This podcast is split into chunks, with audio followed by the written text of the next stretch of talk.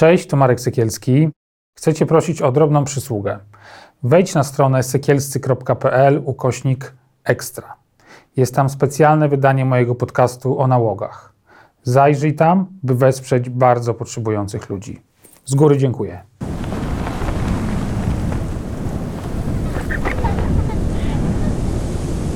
Ten program oglądasz dzięki zbiórce pieniędzy prowadzonej na patronite.pl ukośnik sekielski.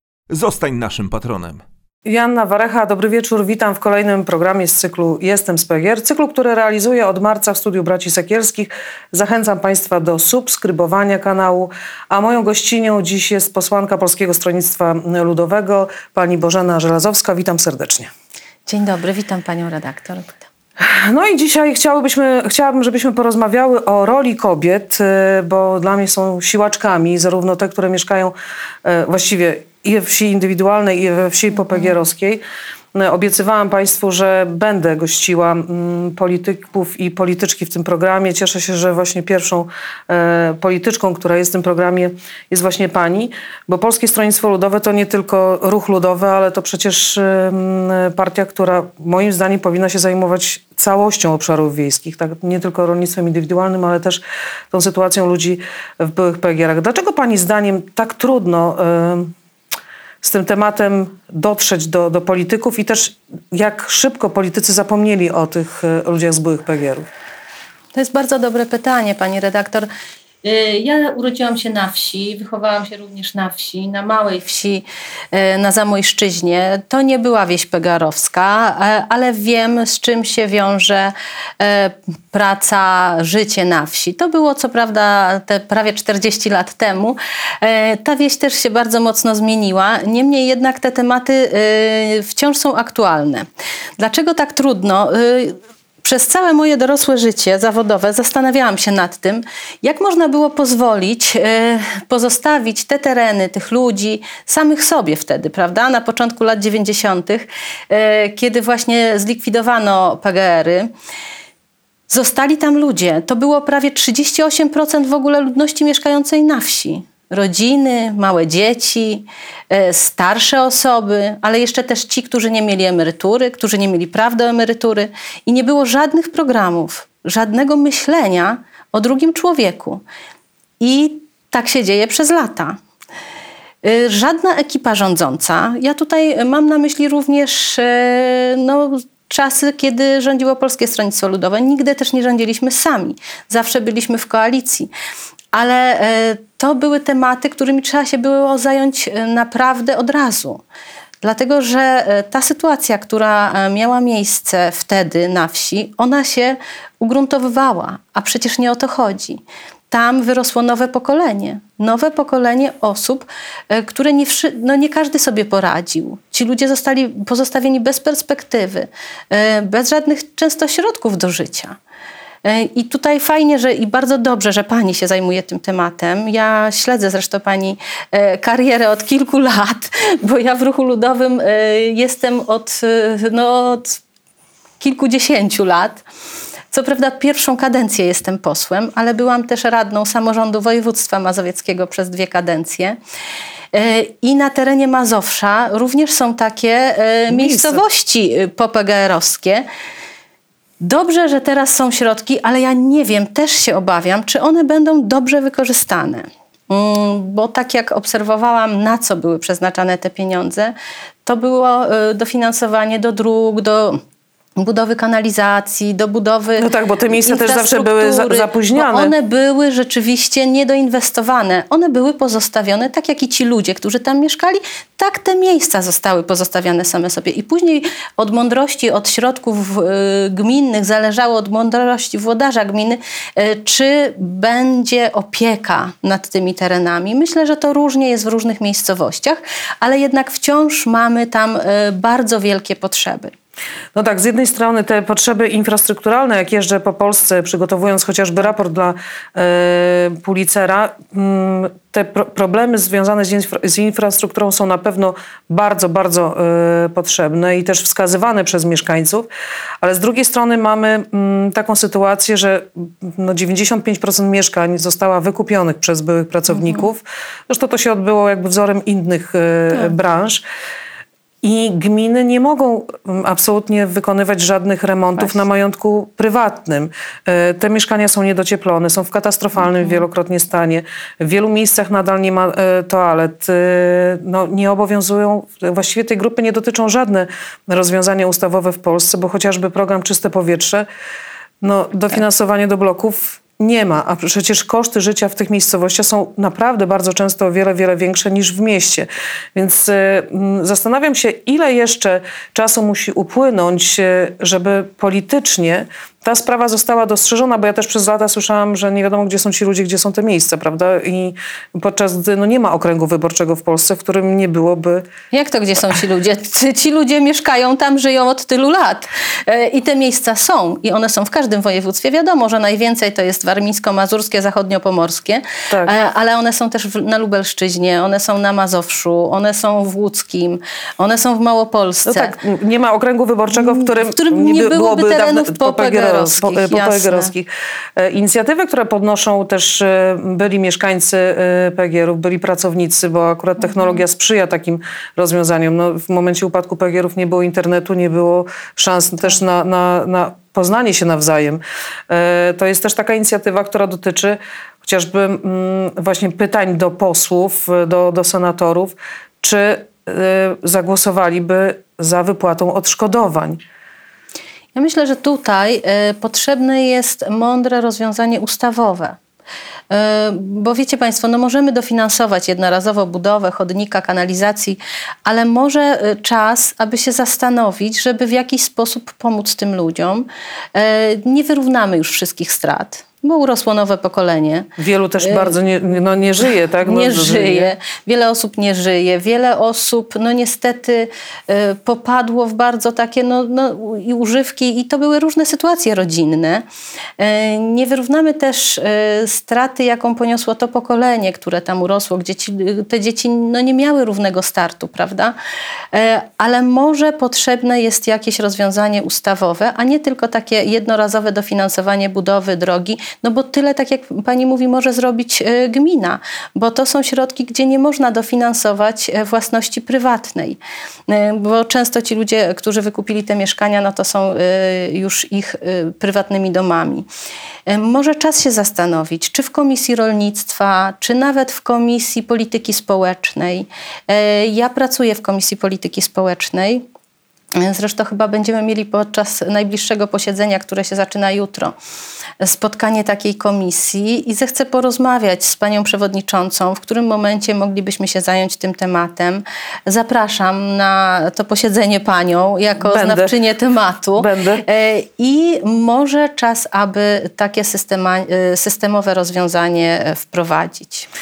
Wróćmy do tego tematu, e, e, znaczy do pytania, o którym rozpoczęłyśmy. E, bardzo zależy mi na tym, żeby mówić o kobietach, o e, kobietach na wsi, o ich znaczeniu, bo każda z nich, szczególnie no, te, które znam, wyrastałam z nimi z byłych właśnie państwowych gospodarstw rolnych, są dla mnie siłaczkami. To, że one, że przetrwały te rodziny, że Tak. dzieci się kształciły, no to to jest ogromna siła, ale też o takich siłaczkach możemy mówić na wsiach indywidualnych, bo przecież wiele z nich dokładnie taki sam los e, miało jak, jak kobiety z byłych e, PGR-ów. Jak pani wspomina kobiety, które pani e, spotkała w swoim życiu właśnie ze wsi?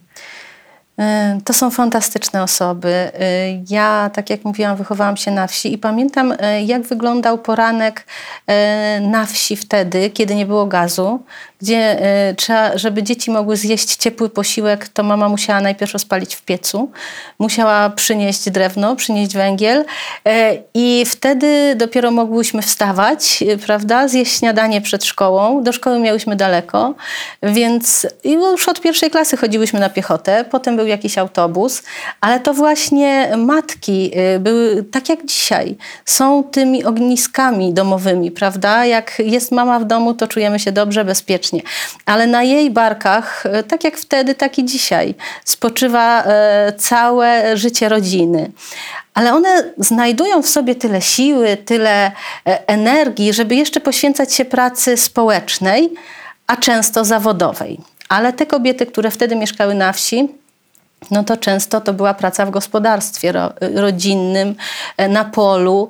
Także ja mia, wspominam to oczywiście fantastycznie, aczkolwiek teraz jak patrzę, to nie wiem, czy to nie była praca ponad siły dziecka które od y, no, wczesnych takich lat dziecinnych już musiało pomagać rodzicom. Pamiętam taki moment, kiedy w którymś momencie przyszłyśmy z siostrą z pola, po szkole zresztą, i usnęłam pod stodołą, bo już nie dałam rady dojść do domu. I to była ta e, chyba wychowanie poprzez pracę. Ono oczywiście, że się sprawdza potem w życiu, bo jesteśmy odpowiedzialni, jesteśmy e, tacy ciągle nastawieni na zadania, ale czy dzisiaj posłalibyśmy nasze dzieci małe e, do takiej pracy? Pewnie nie, ale wtedy był taki czas. E, I pamiętam, że mama też starała się zawsze, abyśmy e, korzystały też z dobrodziejstw kultury, takiej jaka była u nas w gminie, żebyśmy mogły pójść do kina, żebyśmy mogły pojechać do miasta, gdzie coś się działo ciekawego. Także już wtedy te kobiety myślały też o edukacji swoich dzieci. Nie zawsze były na to pieniądze. Nie wiem, jak te kobiety czarowały te pieniądze, po prostu różnie to było, ale, no, ale się udało. Natomiast nie było to łatwe. Niektórym się nie udało.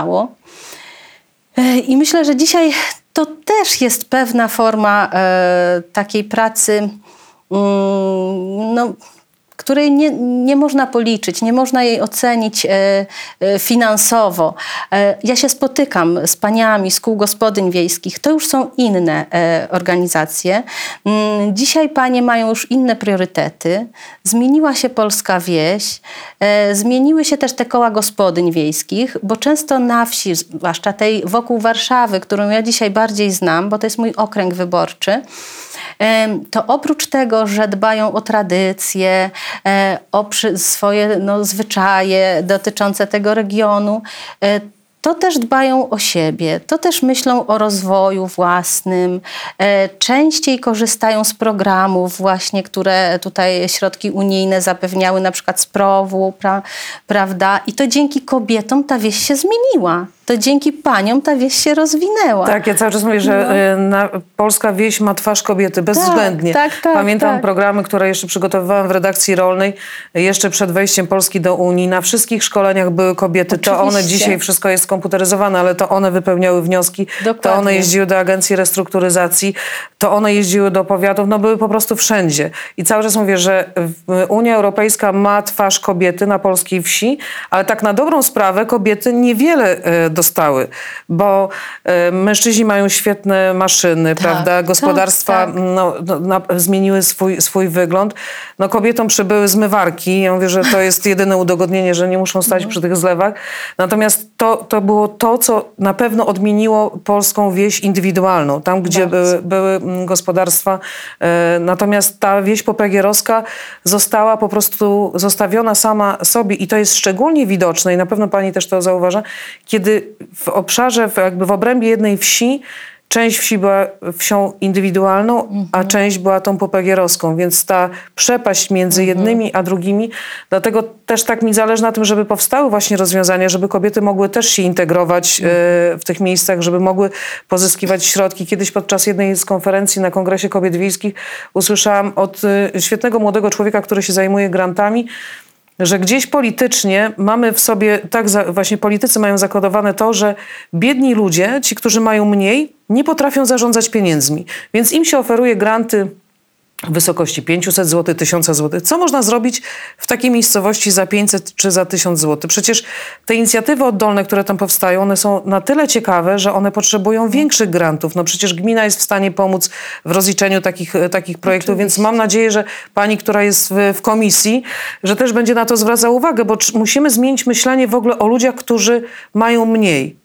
No jesteśmy teraz w takim no czasie przedświątecznym, gdzie każdy z nas stara się być, y, no, może bardziej myśli y, o, o tych, którzy, którym w życiu jest trudniej. Że to nie oznacza, że ten człowiek jest gorszy. Poruszyła Pani bardzo ciekawy y, wątek, o którym się naprawdę rzadko mówi. Y, Nie zauważamy często y, tej dużej dysproporcji, prawda, pomiędzy y, tą wsią, która jest wsią indywidualną i wsią PPGR-owską. Y, I nie myślimy y, o tym aż tak, że tamci mają mniej, a jednak mają mniej. Mm, Tutaj bardzo duża jest rola e, samorządu lokalnego, dlatego że to samorząd pozyskuje również środki i później dzieli je na różne granty, czy też lokalnych grup działania.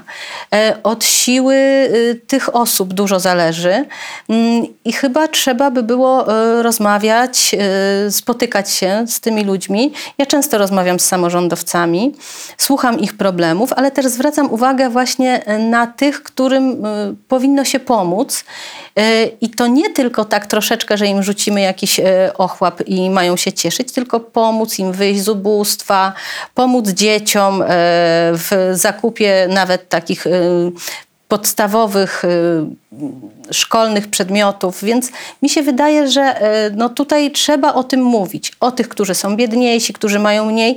Ten problem ubóstwa w naszym kraju właśnie teraz przed świętami się o tym mówi, się pog- pogłębił. Tak, pande- nie- to- pandemia, pandemia spowodowała, tak, że To nie jest tak, że, jest, że wszystkim żyje się lepiej. Trochę przez pandemię, trochę przez to, że jest po prostu drożej, a nie wszystkich stać Oczywiście, na tą nie trochę, tylko bardzo drogo. Dlaczego w tym roku y, jest tyle, o tyle więcej rodzin, które potrzebują pomocy, prawda? I szlachetna paczka to, no to już nie jest y, w tysiącach, tylko za chwilę będą milionowe potrzeby takich paczek, a wiadomo, że paczka nie rozwiąże problemu. Y, Więc naprawdę pogłębia nam się w naszym kraju ubóstwo i z tym coś trzeba zrobić. w, Jak najszybciej. W- Tydzień temu rozmawiałam z doktorem e, Leszkiem Melibrudą i po zakończeniu tego programu, kiedy odprowadzałam go, mówi, że panie doktorze, akurat rozmawialiśmy o sytuacji covidowej, o e, ruchu antyszczepionkowym, e, o tych, którzy się szczepią i namawiają do szczepień. I powiedziałam takie zdanie, mówię, że gdyby COVID dotyczył tylko biednych ludzi, dzisiaj nikt by nie rozmawiał w ogóle o COVIDzie. Bardzo Żadne, żadne, żadnego ruchu antyszczepionkowego, w, nawet gdyby był w byłych PGR-ach czy na wsiach, nikt by w ogóle tych ludzi nie słuchał, tylko byłyby obowiązkowe szczepienia, ci ludzie nie mieliby nic do powiedzenia, bo to dotyczyłoby biednych. My zabieramy w ogóle ludziom, którzy mają mniej, prawo głosu. To trzeba natychmiast zmienić, pani redaktor. Ci ludzie mieszkają w naszym kraju. Oni No ja te- mają ja- takie same prawa. Więc y, to my musimy być ich głosem też. Polityczki i politycy. Tak, Tak, tak. no ja się cieszę, że takie deklaracje padają przed, e, przed świętami mam nadzieję, że kolejne osoby, które będą, e, będę gościła w tym studiu, będą miały podobne e, podejście. Jesteśmy w czasie, no właściwie dzieli nas kilka dni do świąt e, Bożego Narodzenia. Z jednej strony mamy sytuację związaną z granicą polsko-białoruską. Zawsze mówię, że w tym roku to dodatkowe nakrycie naprawdę ma bardzo, bardzo, Bardzo. symboliczny wymiar. Przez lata, kiedy siadałam do tego stołu wigilijnego, właśnie myślałam o tych, którym no chociażby właśnie osobach z byłych państwowych gospodarstw rolnych, których było bardzo trudno i właściwie ledwo końcali, wiązali koniec z końcem. I myślę sobie, jakie życzenia, czego właściwie powinniśmy sobie życzyć na te święta, y, pani zdaniem? Ja życzę wszystkim naszym widzom, słuchaczom przede wszystkim zdrowia, ale życzę e, więcej wzajemnej wrażliwości, więcej życzliwości, żebyśmy już nigdy nie przechodzili obok e, uboższych ludzi obojętnie, żebyśmy mieli w sobie tą wrażliwość, która pozwoli nam zobaczyć drugiego człowieka, który tej pomocy potrzebuje. Życzę tego sobie i wszystkim Państwu, żebyśmy byli dobrymi ludźmi. Ponieważ ja też stałam się e, głosem ludzi z byłych państwowych gospodarstw rolnych, to ja życzę e, i sobie, i państwu e, zdrowia oczywiście. Życzę mm, wrażliwości sp- społecznej i politycznej. Wierzę, że temat byłych pracowników państwowych gospodarstw rolnych, ich rodzin i tych terenów pojawi się na poważnie w polskim parlamencie. E, I życzę Państwu zdrowych, spokojnych, e, radosnych świąt i dziękuję, że od tylu lat jesteście Państwo ze mną, a ja mogę być z, z Wami. I jeszcze raz powiem wesołych świąt. Jestem z PGR-u. Dziękuję bardzo. Ten program oglądałeś dzięki zbiórce pieniędzy prowadzonej na patronite.pl ukośnik sekielski. Zostań naszym patronem.